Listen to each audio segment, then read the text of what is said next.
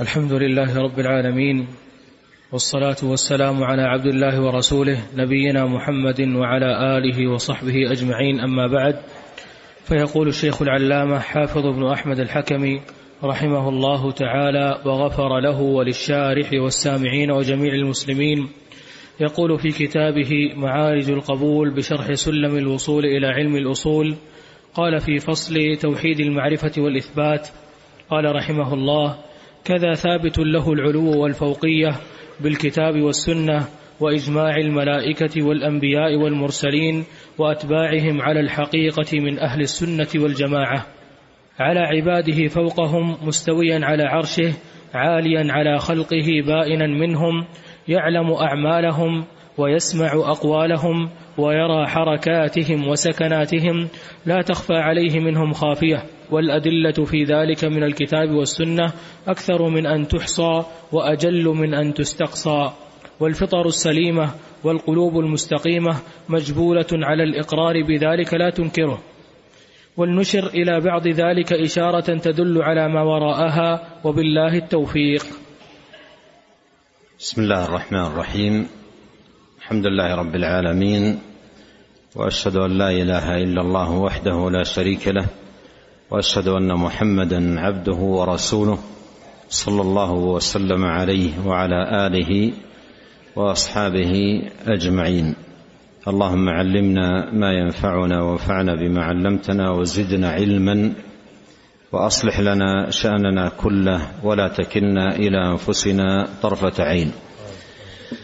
أما بعد فهذا شروع من المصنف رحمه الله تعالى في سوق الأدلة على علو الله سبحانه وتعالى على خلقه وهو النوع الثالث من أنواع العلو فإن العلو بأنواعه ثابت لله قدرا وقهرا وذاتا. والأدلة على علو الله جل في علاه كثيرة جدا. وهي تندرج تحت أنواع كثيرة. والمصنف هنا يسوق أنواع الأدلة على علو الله تبارك وتعالى وتحت كل نوع منها يذكر ما تيسر من أدلة كتاب الله وسنة نبيه صلوات الله وسلامه وبركاته عليه. ومن أول من وقفت عليه ساقها مرتبة الإمام ابن القيم رحمه الله تعالى في كتابه إعلام الموقعين وعنه نقل شارح الطحاوية ابن أبي العز ثم عنه نقل خلق من أهل العلم. وجاءت هذه الأنواع أو ذكر هذه الأنواع مبثوثة في كتب أهل العلم المتقدمين من أئمة السلف رحمهم الله أجمعين. قول المصنف رحمه الله تعالى قد دل على العلو الكتاب والسنة وإجماع الملائكة وإجماع الملائكة. هذا مما يدل عليه قول الله عز وجل يخافون ربهم من فوقهم ويفعلون ما يؤمرون كما في سورة النحل. ويدل عليه آيات أخرى. نعم. قال رحمه الله فمن ذلك أسماؤه الحسنى الدالة على ثبوت جميع معاني العلو له تبارك وتعالى كاسمه الأعلى واسمه العلي واسمه المتعالي واسمه الظاهر واسمه القاهر وغيرها. قولها قبل ذلك والنشر إلى بعض ذلك. والنشر إلى بعض ذلك أي بعض الأنواع. وهذا إشارة إلى أنه لن يستقصي الأدلة. ومحل استقصائها المطولات المفردة الخاصة بذلك. قال فمن ذلك هذا النوع الأول ولو رقمت لكان أنفع لطالب العلم. فمن ذلك أي هذا النوع الأول من أنواع الأدلة على علو الله أسماء الحسنى الدالة على العلو. فمن أدلة العلو أسماء الله الحسنى الدالة على العلو. مثل العلي. والأعلى والمتعال. هذه الأسماء الثلاثة كلها دالة على ثبوت علو الله سبحانه وتعالى على خلقه. ومن قصر معناها على علو القدر وعلو القهر فهو تحكم بلا مستند ولا برهان. وقوله والظاهر هذا من الأسماء التي تدل على علو الله. كما جاء بذلكم التفسير عن النبي صلى الله عليه وسلم حيث قال في دعائه اللهم أن وأنت الظاهر فليس فوقك شيء. وأنت الظاهر فليس فوقك شيء. نعم. قال تعالى سبح اسم ربك الأعلى ولما نزلت قال النبي صلى الله عليه وسلم اجعلوها في سجودكم. وقال تعالى وسع كرسيه السماوات والأرض ولا يؤوده حفظهما وهو العلي العظيم. وقال تعالى إن الله كان عليا كبيرا. وقال تعالى ذلك بأن الله هو الحق وأن ما يدعون من دونه هو الباطل وأن الله هو العلي الكبير. وقال تعالى حتى إذا فزع عن قلوبهم قالوا ماذا قال ربكم؟ قالوا الحق وهو العلي الكبير. وقال تعالى نعم هذه الآيات الثلاث آية الكرسي نعم والآية التي في سورة الحج والآية التي في سورة سبأ كلها في تقرير توحيد العبادة وختمت باسم الله تبارك وتعالى العلي. وهذا فيه أن أن العبادة فيه أن العبادة والذل كله والخضوع والانكسار إنما هو للعلي الكبير العلي العظيم الله سبحانه وتعالى الذي لا شريك له. فعلوه على خلقه ذاتا وقدرا وقهرا هذا من الدلائل والبراهين على وجوب توحيده وإخلاص الدين له وإفراده سبحانه وتعالى بالذل والخضوع. نعم. وقال تعالى إنه علي حكيم. وقال تعالى عالم الغيب والشهادة الكبير المتعال. وقال تعالى هو الأول والآخر والظاهر والباطن. وقال النبي صلى الله عليه وسلم في دعائه وأنت الظاهر فليس فوقك شيء. وقال تعالى وهو القاهر فوق عباده. وهذه الأسماء تدل على ثبوت معاني جميع معاني العلو له تبارك وتعالى ذاتا وقهرا وشأنا. نعم.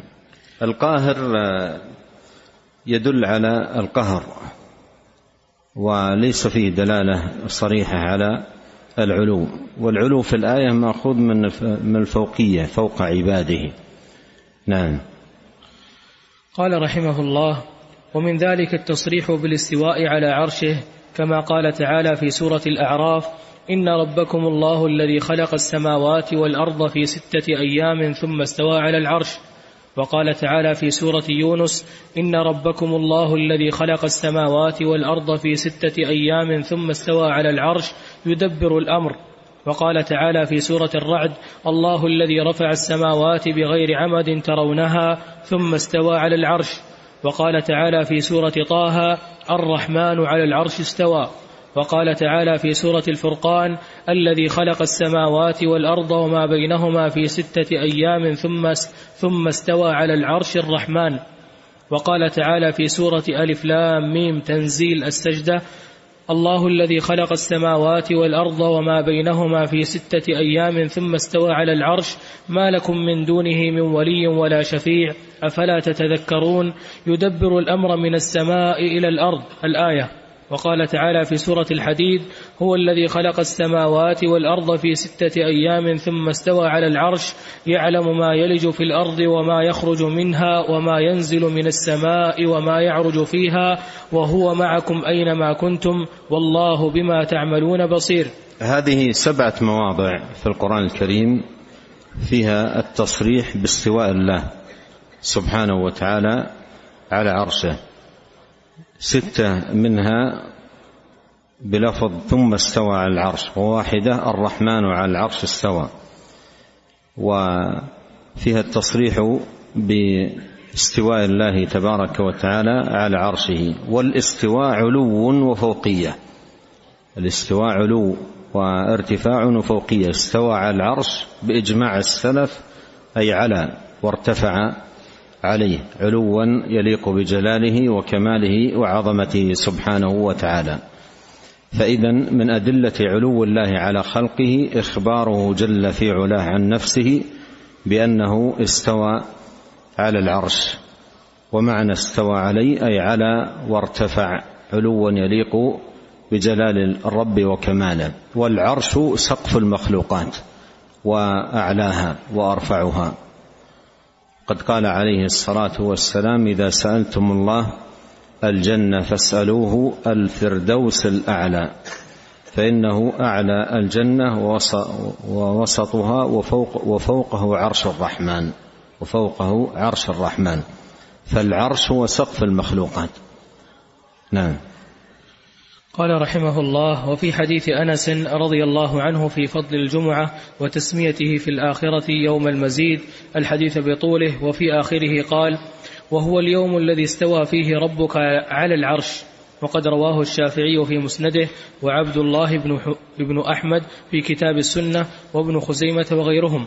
وقد أجمع أبو بكر وقد جمع أبو بكر بن أبي داود طرقه في جزء وسيأتي إن شاء الله تعالى بطوله وألفاظه في إثبات رؤية المؤمنين ربهم تبارك وتعالى. نعم هذا حديث جاء من طرق صححه جماعة من أهل العلم لمجموع طرقه.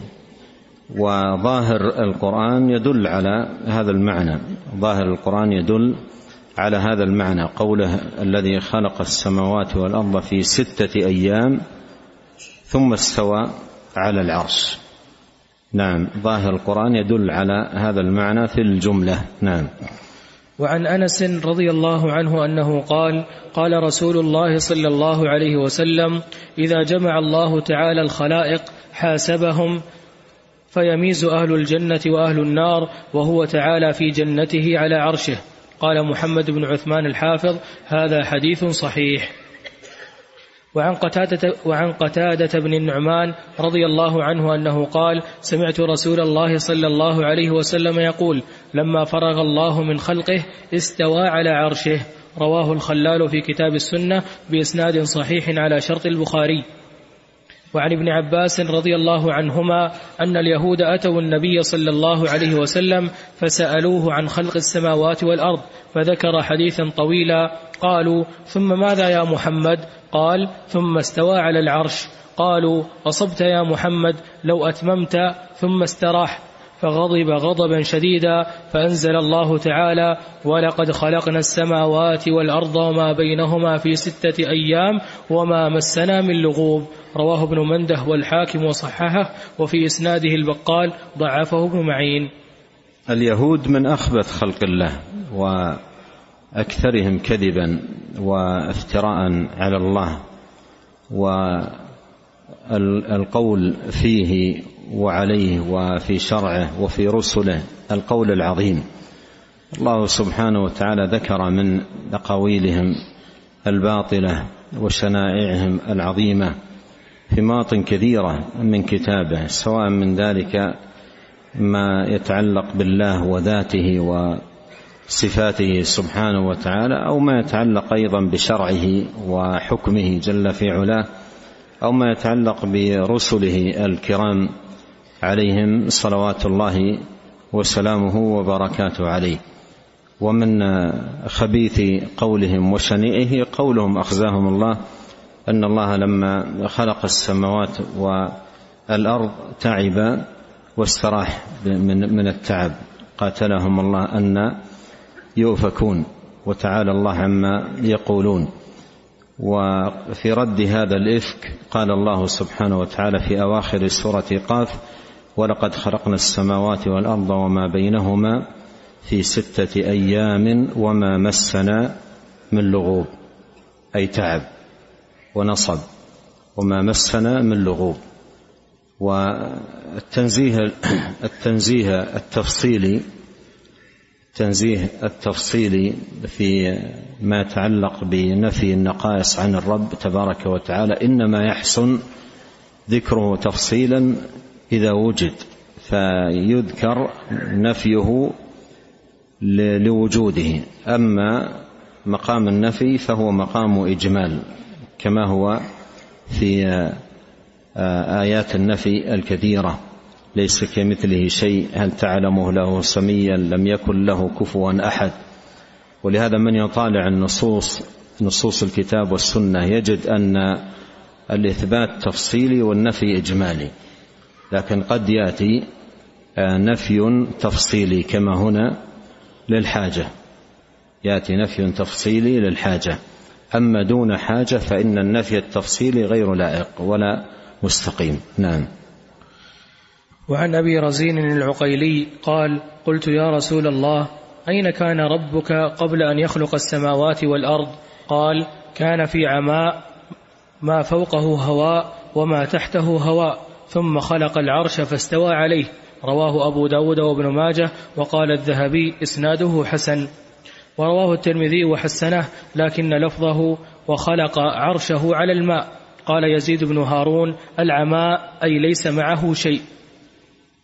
وعن ابن عباس رضي الله عنهما عن مرة عن ناس عن ناس من أصحاب النبي صلى الله عليه وسلم في قوله تعالى ثم استوى إلى السماء قال إن الله تعالى كان عرشه على الماء ولم يخلق شيئا قبل الماء.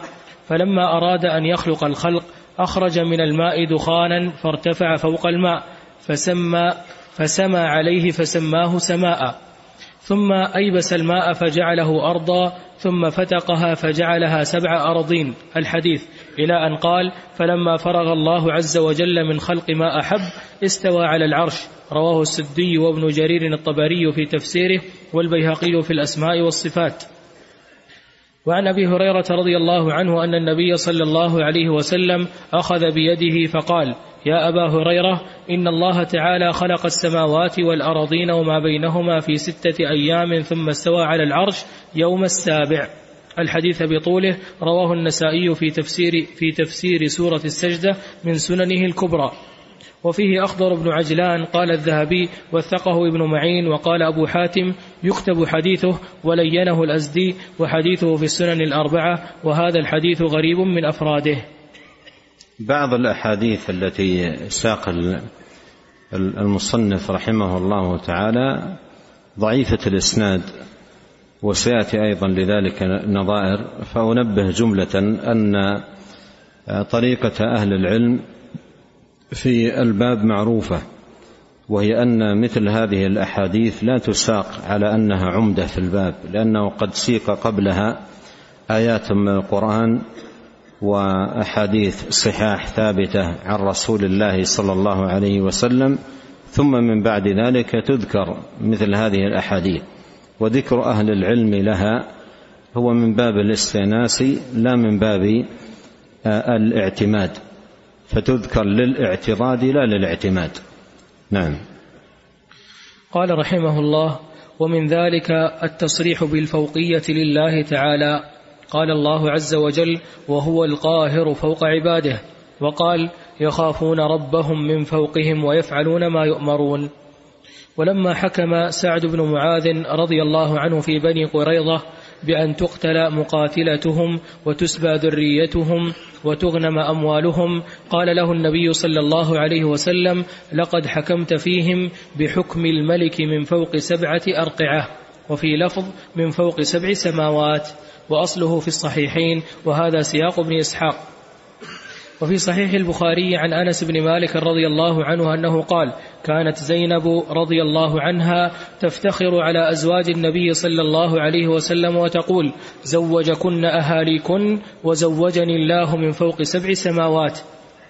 وفي سنن أبي داود من حديث جبير بن مطعم رضي الله عنه أنه قال جاء أعرابي إلى النبي صلى الله عليه وسلم فقال يا رسول الله جهدت الأنفس وضاعت العيال ونهكت الأموال وهلكت الأنعام فاستسق الله لنا فإنا نستشفع, فإنا نستشفع بك على الله ونستشفع بالله عليك. قال رسول الله صلى الله عليه وسلم ويحك أتدري ما تقول؟ وسبح رسول الله صلى الله عليه وسلم فما زال يسبح حتى عرف ذلك في وجوه أصحابه. ثم قال ويحك إنه لا يستشفع بالله على أحد من خلقه شأن الله أعظم من ذلك. ويحك أتدري ما الله؟ إن, شرع إن شرعه على سماواته لهكذا وقال بإصبعه مثل القبة عليه وإنه لا يئط به أطيط الرحل بالراكب.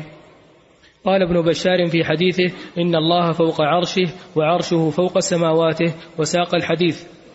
وله عن العباس بن عبد المطلب رضي نعم الله يعني الشاهد من سياق الحديث. هذا اللفظ الذي ذكر رحمه الله إن الله فوق عرشه. والحديث تكلم في إسناده جماعة من أهل العلم. لكن هذا الذي جاء هنا في هذا اللفظ الذي هو التصريح بالفوقية إن الله فوق عرشه وعرشه فوق سماواته وموضع الشاهد من سياق الحديث يشهد له ما تقدم فيكون ذكره هنا استئناسا وإنما الاعتماد على ما تقدم في قول الله جل في علاه يخافون ربهم من فوقهم وأيضا الأحاديث الصحاح التي تقدم سوق المصنف رحمه الله تعالى لها. نعم. وله عن العباس بن عبد المطلب رضي الله عنه أنه قال كنت في البطحاء في عصابة فيهم رسول الله صلى الله عليه وسلم فمرت بهم سحابة فنظر إليها فقال ما تسمون هذه؟ قالوا السحاب. قال والمزن. قالوا والمزن. قال والعنان. قالوا والعنان. قال أبو داود ولم أتقن العنان جيدا. قال هل تدرون ما بعد ما بين السماء والأرض؟ قالوا لا ندري. قال إن بعد ما بينهما إما واحدة أو اثنتان أو ثلاث وسبعون سنة ثم السماء فوق ثم السماء فوقها كذلك. حتى عد سبع سماوات ثم فوق السماء السابعة بحر بين أسفله وأعلاه مثل ما بين سماء إلى سماء. ثم فوق ذلك ثمانية أوعال بين أظلافهن ورك بين أظلافهم وركبهم مثل ما بين سماء إلى سماء. ثم على ظهورهم ثم على ظهورهم العرش بين أسفله وأعلاه مثل ما بين سماء إلى سماء ثم الله تبارك وتعالى فوق ذلك. زاد أحمد وليس يخفى عليه شيء من أعمال بني آدم. نعم هذا أيضا إسناده ضعيف لكن الشاهد منه آه، قوله ثم الله تبارك وتعالى فوق ذلك. ثم الله تبارك وتعالى فوق ذلك. هذا التصريح آه، بالفوقية وهو الذي لاجله سيق الحديث تقدم آه، أدلته الثابتة في الكتاب والسنة. فيكون ذكر هذا الحديث من أجل هذا الموطن من باب الاستئناس. نعم. وفي سنن ابن ماجه من حديث جابر بن عبد الله رضي الله عنهما أنه قال قال رسول الله صلى الله عليه وسلم بين أهل الجنة في نعيمهم إذ سطع لهم نور فرفعوا رؤوسهم فإذا الرب قد أشرف عليهم من فوقهم فقال السلام عليكم يا أهل الجنة. قال وذلك قول الله عز وجل سلام قولا من رب رحيم. قال فينظر إليهم وينظرون إليه فلا يلتفتون إلى شيء من النعيم ما داموا ينظرون إليه حتى يحتجب عنهم ويبقى نوره وبركته عليهم في ديارهم. وفي إسناده الرقاشي ضعيف ومعناه ثابت في الكتاب والسنة. نعم انظر هذه الجملة. توضح لك ما سبق. قال رحمه الله وفي إسناده الرقاشي آه، آه، الرقاشي ضعيف ومعناه ثابت في الكتاب والسنة. هذا يبين لك أن أهل العلم في سوقهم لمثل هذه الأحاديث التي يعلمون ضعفها إنما ساقوها لثبوت معناها في الكتاب والسنة فيكون ذكرهم لها للاستئناس لا للاعتماد. نعم. وفي حديث الشفاعة الطويل عن أنس بن مالك رضي الله عنه عن النبي صلى الله عليه وسلم أنه قال فأدخل على ربي تبارك وتعالى وهو على عرشه وذكر الحديث. وفي بعض ألفاظ البخاري في صحيحه فأستأذن على ربي في داره فيؤذن لي عليه. قال عبد الحق في الجمع بين الصحيحين هكذا قال في داره. في المواضع الثلاثة يريد مواضع الشفاعات الثلاث التي يسجد فيها ثم يرفع رأسه. وعن عمر بن عبد الملك قال خطبنا علي رضي الله عنه فقال إن رسول الله صلى الله عليه وسلم حدثني عن ربه عز وجل فقال وعزتي وجلالي وارتفاعي فوق عرشي ما من أهل قرية ولا بيت ولا رجل ببادية كانوا على ما كرهت من معصيتي فتحولوا عنها إلى ما أحببت من طاعتي إلا تحولت لهم عما يكرهون من عذابي إلى ما يحبون من رحمتي. رواه ابن أبي شيبة في كتاب العرش والعسال في المعرفة وضعفه الذهبي. وعن جابر بن سليم أنه قال سمعت رسول الله صلى الله عليه وسلم يقول إن رجلا ممن كان قبلكم لبس بردين فتبختر فنظر, فنظر الله إليه من فوق عرشه فمقته فأمر الأرض فأخذته فهو يتجلجل فيها. رواه الدارمي وله شاهد في البخاري من حديث أبي هريرة رضي الله عنه. وفي حديث عمران بن حسين رضي الله عنه في بدء الخلق كان الله عز وجل على العرش وكان قبل كل شيء وكتب في اللوح المحفوظ كل شيء يكون. حديث صحيح أصله في البخاري. وعن عبد الله بن مسعود رضي الله عنه أنه قال إن العبد لا يهم بالأمر من التجارة أو الإمارة حتى ييسر له. نظر الله له من فوق سبع سماوات فيقول للملائكة اصرفوه عنه فإن يسرته له أدخلته النار. رواه, البي رواه البغوي وسكت الذهبي عنه. وعنه رضي الله عنه أنه قال العرش فوق الماء والله فوق العرش لا يخفى عليه شيء من أعمالكم.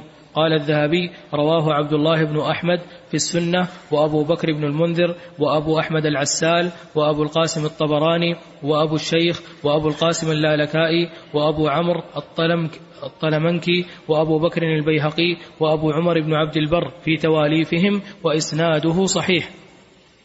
وأخرج ابن أبي شيبة أن حسان نعم هذا الأثر عن ابن مسعود العرش فوق الماء والله فوق العرش. لا يخفى عليه شيء من أعمالكم.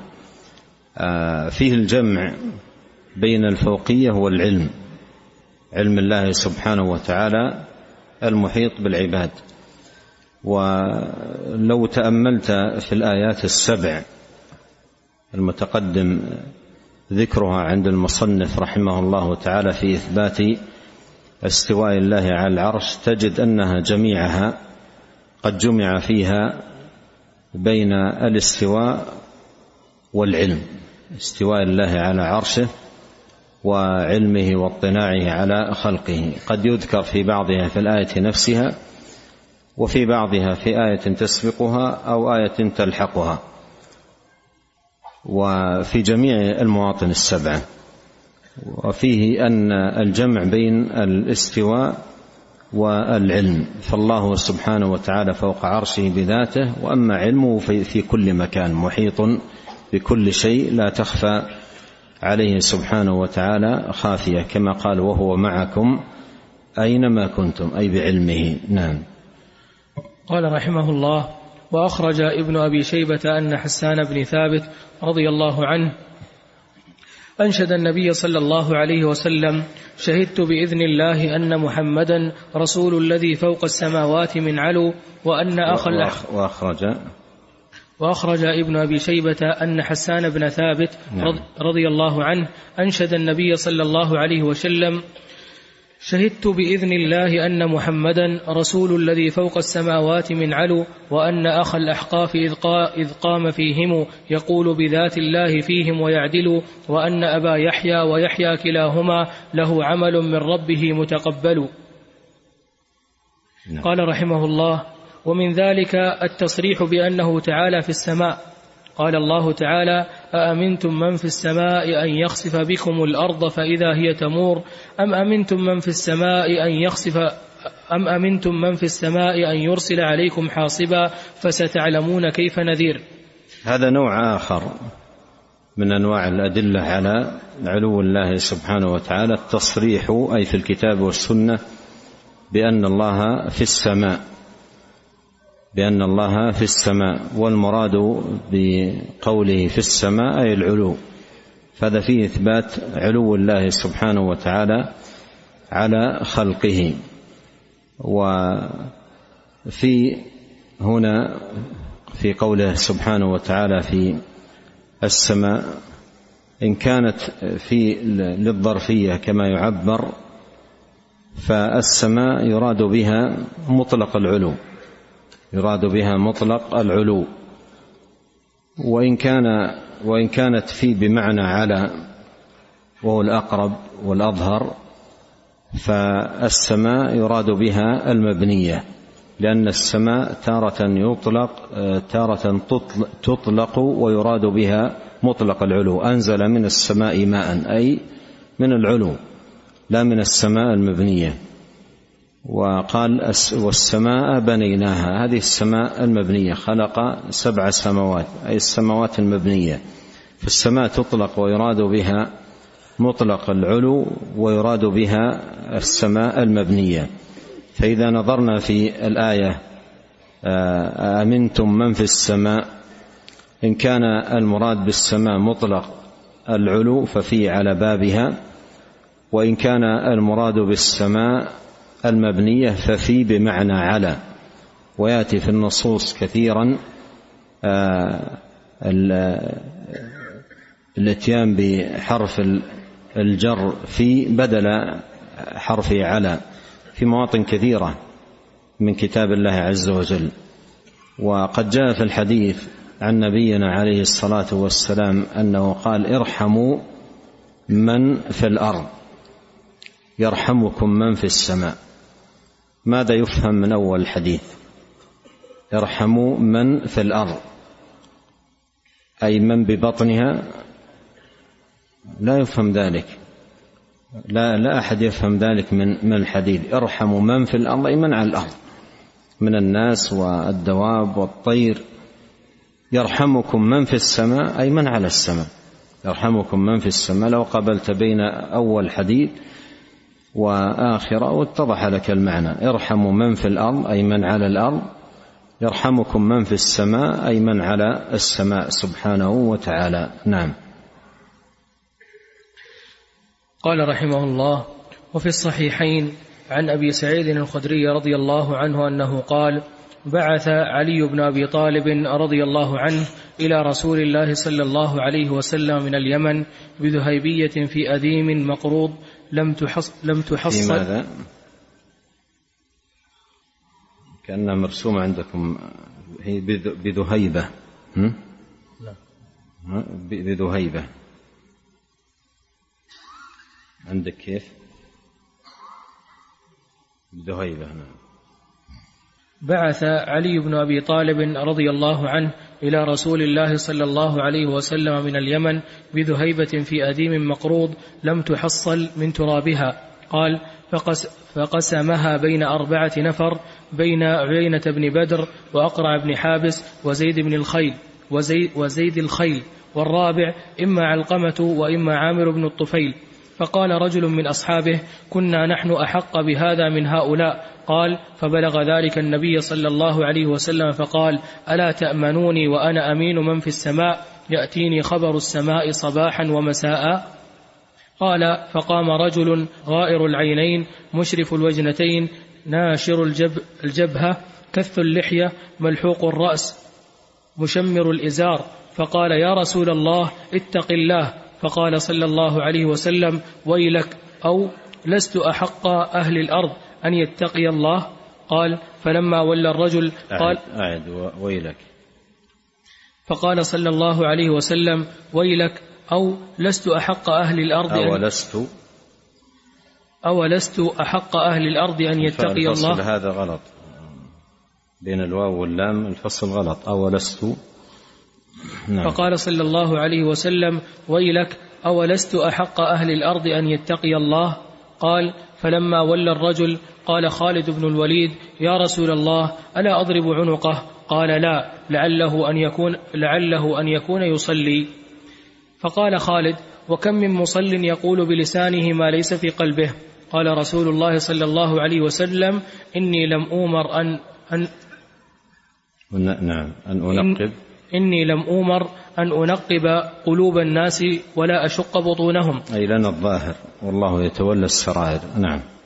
قال ثم نظر إليه وهو مقف فقال إنه يخرج من ضئضئ هذا قوم يتلون كتاب الله رطبا لا يجاوز حناجرهم يمرقون من الدين كما يمرق السهم من الرمية. وأظنه قال لئن أدركتهم لأقتلنهم قتل ثمود. الله يكفينا شرهم. إلى هذا الزمان. من ضئضئ هذا إلى هذا الزمان وهم لا يزالون يخرجون في الناس ويحصل على أيديهم الفساد العظيم والشر الكبير. نعم. وعن معاوية ابن الحكم في حديث طويل قال وكانت لي جارية ترعى غنما لي قبل أحد والجوانية. نعم الجوانية نعم. قبل أحد والجوانية. فاطلعت ذات يوم فإذا الذئب قد ذهب بشاة فاطلعت ذات يوم فإذا الذئب قد ذهب بشاة من غنمها وأنا رجل من بني آدم آسف كما يأسفون. أي أغضب فلما آسفونا أي أغضبونا نعم. لكني صككتها صكة فأتيت رسول الله صلى الله عليه وسلم فعظم ذلك علي. قلت يا رسول الله أفلا أعتقها؟ قال ائتني بها. فأتيته بها فقال لها أين الله؟ قالت في السماء. قال من أنا؟ قالت أنت رسول الله صلى الله عليه وسلم. قال أعتقها فإنها مؤمنة. أخرجه مسلم وأبو داود والنسائي وغير واحد من الأئمة في تصانيفهم. وعن أبي الدرداء رضي الله عنه أنه قال سمعت رسول الله صلى الله عليه وسلم يقول من اشتكى منكم شيئا أو اشتكاه أخ له فليقل ربنا الله الذي في السماء تقدس اسمك أمرك في السماء والأرض كما رحمتك في السماء فاجعل رحمتك في الأرض اغفر لنا حوبنا وخطايانا أنت رب الطيبين أنزل رحمة من رحمتك وشفاء من شفائك على هذا الوجع فيبرأ. رواه أبو داود. وعن عبد الله بن عمرو رضي الله عنهما أنه قال قال رسول الله صلى الله عليه وسلم الراحمون يرحمهم الرحمن ارحموا من في الأرض يرحمكم من في السماء الرحم شجنة من الرحمن فمن وصلها وصله الله ومن قطعها قطعه الله. رواه الترمذي وقال هذا حديث حسن صحيح. وله عن عمران بن حسين رضي الله عنه أنه قال قال رسول الله صلى الله عليه وسلم لأبي يا حسين كم تعبد اليوم إلها؟ قال أبي سبعة ستة في الأرض وواحدا في السماء. قال صلى الله عليه وسلم فأيهم تعد لرغبتك ورهبتك؟ قال الذي في السماء. قال يا حسين أما أنك لو أسلمت علمتك كلمتين تنفع تنفعانك. قال فلما أسلم حسين قال يا رسول الله علمني الكلمتين اللتين وعدتني. فقال صلى الله عليه وسلم قل اللهم ألهمني رشدي وأعذني من شر نفسي. قال الترمذي هذا حديث حسن غريب وقد روي هذا الحديث عن عمران بن حسين رضي الله عنهما من غير هذا الوجه. نعم يعني في في هذا الحديث أن المشركين كانوا يعرفون أن الله في السماء. كانوا يعرفون أن الله في السماء ويقرون بذلك. وإذا سئلوا عن ذلك أثبتوه. ويأتي كثيرا في أشعارهم آه، في الجاهلية إثبات ذلك. فكانوا يعرفون أن الله في السماء. وهو مما بقي في الفطر التي لم يحصل لها تبدل وتغير وانحراف وحصل لهم انحراف في الفطر في جوانب كثيرة لكن هذا مما بقي. ففيه إقرارهم بذلك. قال كم الها تعبد؟ قال سبعة. ستة في الأرض وواحد في السماء. يقصد الذي في السماء الله سبحانه وتعالى رب العالمين. فقال أيهم تعد لرغبتك ورهبتك؟ يعني عند الرغائب والشدائد إلى من تفزع من من هؤلاء السبعة وإلى من تلجأ؟ قال الذي في السماء. وهكذا كان المشركون آه، يشركون في الرخاء ويخلصون في الشدائد. فإذا ركبوا في الفلك دعوا الله مخلصين له الدين. نعم. وعن أبي هريرة رضي الله عنه أنه قال قال رسول الله صلى الله عليه وسلم والذي نفسي بيده ما من رجل يدعو امرأته إلى فراشها فتأبى عليه إلا كان الذي في السماء ساخطا عليها حتى يرضى عنها. رواه مسلم في صحيحه. وعن ابن عمر رضي الله عنهما أنه قال كنا جلوسا ذات يوم بفناء رسول الله صلى الله عليه وسلم إذ مرت امرأة من بناته فقال أبو سفيان ما مثل محمد في بني هاشم إلا كمثل الريحانة في وسط الزبل؟ فسمع أو بفتح الزاء نعم. إلا كمثل الريحانة في وسط الزبل. فسمع عندك مضبوطة؟ نعم. فسمعت فأبلغت رسول الله صلى الله عليه وسلم فخرج فصعد على منبره وقال ما بال أقوام تبلغني عن أقوام؟ إن الله خلق سماوات سبعا فاختار العليا فسكنها وأسكن سماواته من شاء من خلقه ثم اختار خلقه فاختار, من فاختار بني آدم فاختار العرب فاختار مضر فاختار قريشا فاختار بني هاشم فاختارني فلم أزل خيارا من خيار فمن أحب قريشا فبحبي أحبهم ومن أبغض العرب فببغضي أبغضهم. قال الذهبي هو حديث منكر رواه جماعة في, في كتب السنة وأخرجه ابن خزيمة في كتاب التوحيد. نعم يعني غير ثابت هذا الحديث نعم. وعن أبي هريرة رضي الله عنه أن رسول الله صلى الله عليه وسلم قال الميت تحضره الملائكة. فإذا كان الرجل الصالح قالوا اخرجي أيتها النفس المطمئنة كانت في الجسد الطيب اخرجي حميدة وأبشري بروح وريحان ورب غير غضبان فيقولون ذلك حتى يعرج بها إلى السماء التي فيها الله عز وجل وذكر باقي الحديث. رواه أحمد والنسائي وابن ماجه وابن, وابن جرير واللفظ له. وفي الباب أحاديث تأتي إن شاء الله تعالى في ذكر الموت وفتنة القبر. فيها الله أي عليها. نعم. وعن ابن عباس رضي الله عنهما أن رسول الله صلى الله عليه وسلم قال لما أسري بي مررت برائحة طيبة. فقلت يا جبريل ما هذه الرائحة الطيبة؟ قال هذه رائحة, رائحة ماشطة ابن فرعون وأولادها. ماشطة. ابنة فرعون. وأولادها كانت تمشط كانت تمشطها فوق كانت تمشطها فوقع المشط من يدها فقالت بسم الله تعالى. فقالت ابنت فقالت ابنته أبي قالت لا ولكن ربي ورب ورب أبيك الله. فقالت أخبر, أخبر بذلك أبي؟ قالت نعم. فأخبرته فدعا بها فقال من ربك؟ هل لك رب غيري؟ قالت ربي وربك الله الذي في السماء. فأمر ببقرة من نحاس فأحميت ثم دعا بها وبولدها فألقاهما فيها. وساق الحديث بطوله. رواه الدارمي وأبو يعلى الموصلي وقال الذهبي هذا حديث حسن الإسناد. نعم. وعن أبي هريرة رضي الله عنه أنه قال قال مضبوطه أولادها بضم الدال أظنها بكسرها تراجع. ها؟ مضبوطة عندك؟ نعم. وعن أبي هريرة رضي الله عنه أنه قال قال رسول الله صلى الله عليه وسلم لما ألقي إبراهيم عليه السلام في النار قال اللهم إنك واحد في السماء وأنا واحد في الأرض أعبدك. رواه الدارمي في النقض وقال الذهبي حسن الإسناد. وعن أبي هريرة رضي الله عنه عن النبي صلى الله عليه وسلم أنه قال إذا أحب الله العبد نادى جبريل إن الله يحب فلانا فأحبه فيحبه جبريل فينادي جبريل في أهل السماء إن الله يحب فلانا فأحبوه فيحبه أهل السماء ثم يوضع له القبول في الأرض. رواه البخاري. وعن النواس بن سمعان رضي الله عنه أنه قال قال قال رسول الله صلى الله عليه وسلم إذا أراد الله أن يوحي بالأمر تكلم تكلم بالوحي أخذت السماوات منه رجفة أو قال رعدة شديدة خوفا من الله عز وجل.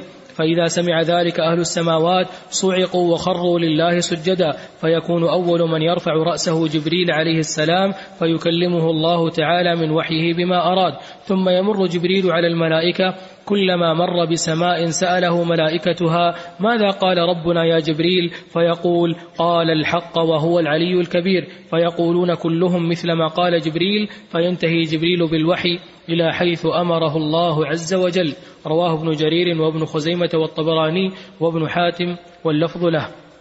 نعم يعني انتهى هنا ما يتعلق بهذا النوع من أنواع الأدلة على علو الله وهو التصريح بأن الله سبحانه وتعالى في السماء ولا يزال رحمه الله يسوق أنواع الأدلة على العلو آه، ويذكر أيضا تحت كل نوع ما تيسر من الأدلة عليه من كتاب الله وسنة نبيه صلوات الله وسلامه وبركاته عليه.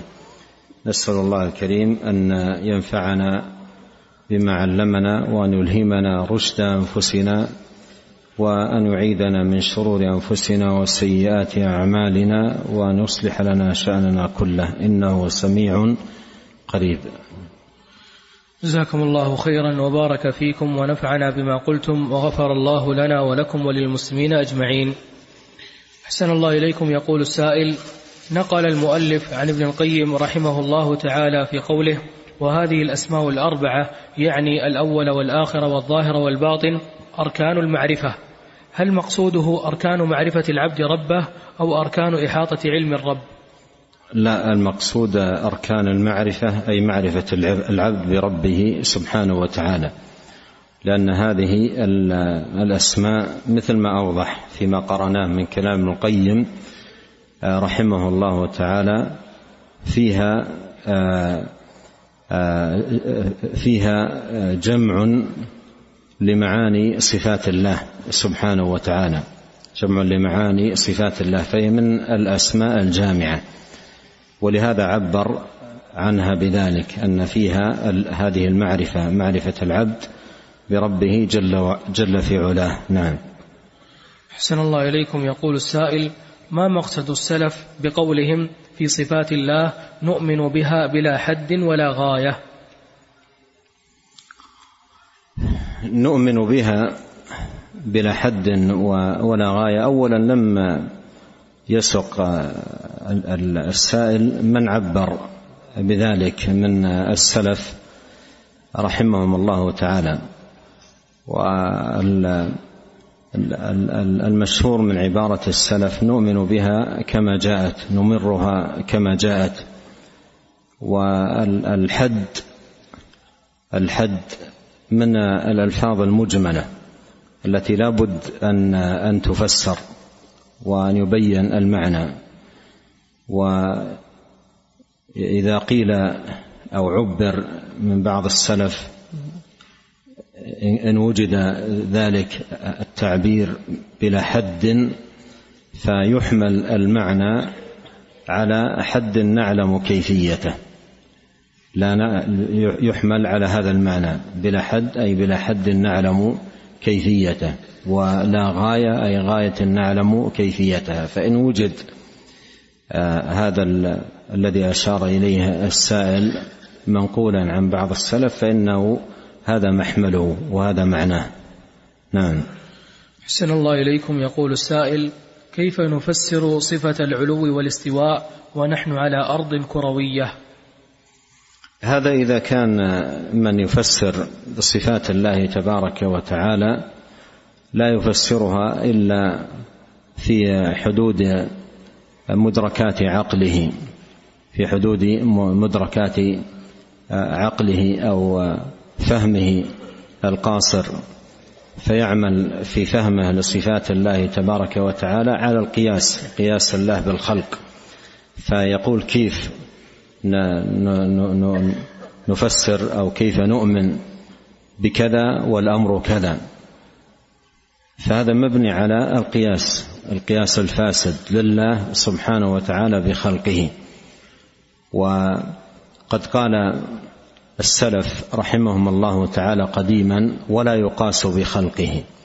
وهذا القياس لله بالخلق هو منشا الفساد العريض في باب صفات الرب سبحانه وتعالى. فنحن نؤمن بعلو الله سبحانه وتعالى على عرشه وعلوه تبارك وتعالى على خلقه. ومن كان في أي جهة من الأرض فما فوقه السماء والله سبحانه وتعالى فوق السماء علي على عرشه سبحانه وتعالى علوا يليق بجلاله وكماله سبحانه وتعالى. وأما الخوض في الكيفيات كيفيات صفات الله الاستواء أو العلو أو غير ذلك فهذا من الخوض الباطل. الذي قال الله عنه ولا تقف ما ليس لك به علم إن السمع والبصر والفؤاد كل أولئك كان عنه مسؤولا. نعم. سن الله إليكم. يقول السائل ما معنى قوله صلى الله عليه وفي كتاب شرح حديث النزول لابن تيمية رحمه الله تعالى تفصيل في الجواب على مثل هذا الإشكال أو هذا الإيراد. نعم. ما معنى قوله صلى الله عليه وسلم ثم ثم يوضع له القبول في الأرض؟ ثم يوضع له القبول في الأرض معناه مثل ما جاء في الآية التي في أواخر سورة مريم. قول الله سبحانه وتعالى إن الذين آمنوا وعملوا الصالحات سيجعل لهم الرحمن ودا أي مودة ومحبة في قلوب الخلق. ولهذا يذكر هذا الحديث في تفسير الآية آية مريم. فيوضع له القبول أي يوضع له محبة ومكانة في قلوب العباد. نعم. حسن الله إليكم يقول السائل. والمراد بالعباد أي الصالحين منهم. نعم. يقول السائل تصرف الحكومة للموظفين منحة مالية إلا أنها تلزمهم بالتوقيع على أنها تعويض عن النقل. فما حكم هذه المنح مع حاجتنا إليها؟ الحاجة معلومة ما يحتاج أن تذكرها لكن الأمر فيه شبهة. الأمر فيه شبهة لأن استلام مرتب على أمر لم يحصل يعني بدل نقل ولم يكن هناك نقل. أما إذا كان هناك نقل وتوقع على شيء صحيح فلا حرج. أما أن أن يؤتى راتبا بدل سفر وهو باق في مكانه لم يسافر ويوقع أنه سافر أو بدل مثلا عمل في جهاز الكمبيوتر ولا يعمل هو على جهاز الكمبيوتر وإنما يوقع هكذا وهو لا يعمل عليه هذا كله من الأشياء القائمة على الكذب والإخبار بخلاف الواقع. نعم. سن الله إليكم يقول السائل ورد في الأحاديث أن الإنسان إذا أدخل في قبره كان معه قرين على حسب عمله إن كان صالحا فصالحا وإن كان سيئا فسيئا. السؤال هل من عذب في قبره مؤقتا ثم انتهت سيئاته وأصبح من أهل الجنة يتغير قرينه من صاحب الوجه السيء إلى الحسن؟ ورد أن أن عمل المرء عمل المرء يأتي إلى إلى صاحب العمل في قبره إذا أدرج في قبره. فإن كان صالحا يأتي على صورة حسنة طيبة فيستبشر ويفرح بذلك وإن كان على خلاف ذلك يأتي بصورة سيئة. فيستاء و يستاء بذلك. جاء الحديث بذلك عن رسول الله صلوات الله وسلامه عليه. وأما ما يتعلق بالعذاب عذاب القبر فهو نوعان. عذاب دائم مستمر وهذا عذاب الكفار. وعذاب مؤقت بحسب الأعمال وهذا عذاب عذاب العصاة بحسب حجم العمل. ولهذا قال الله عن آل فرعون النار يعرضون عليها غدوا وعشيا يعني كل يوم إلى قيام الساعة. نعم. حسن الله إليكم. يقول السائل ما حكم حديث من صلى في قباء كتبت له عمرة؟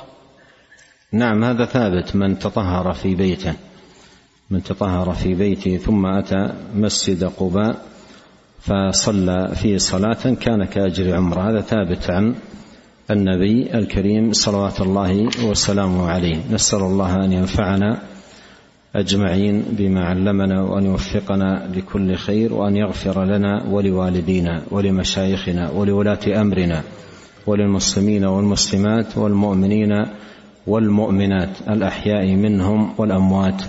سبحانك اللهم وبحمدك أشهد أن لا إله إلا أنت أستغفرك وأتوب إليك. اللهم صل وسلم على عبدك ورسولك نبينا محمد وآله وصحبه.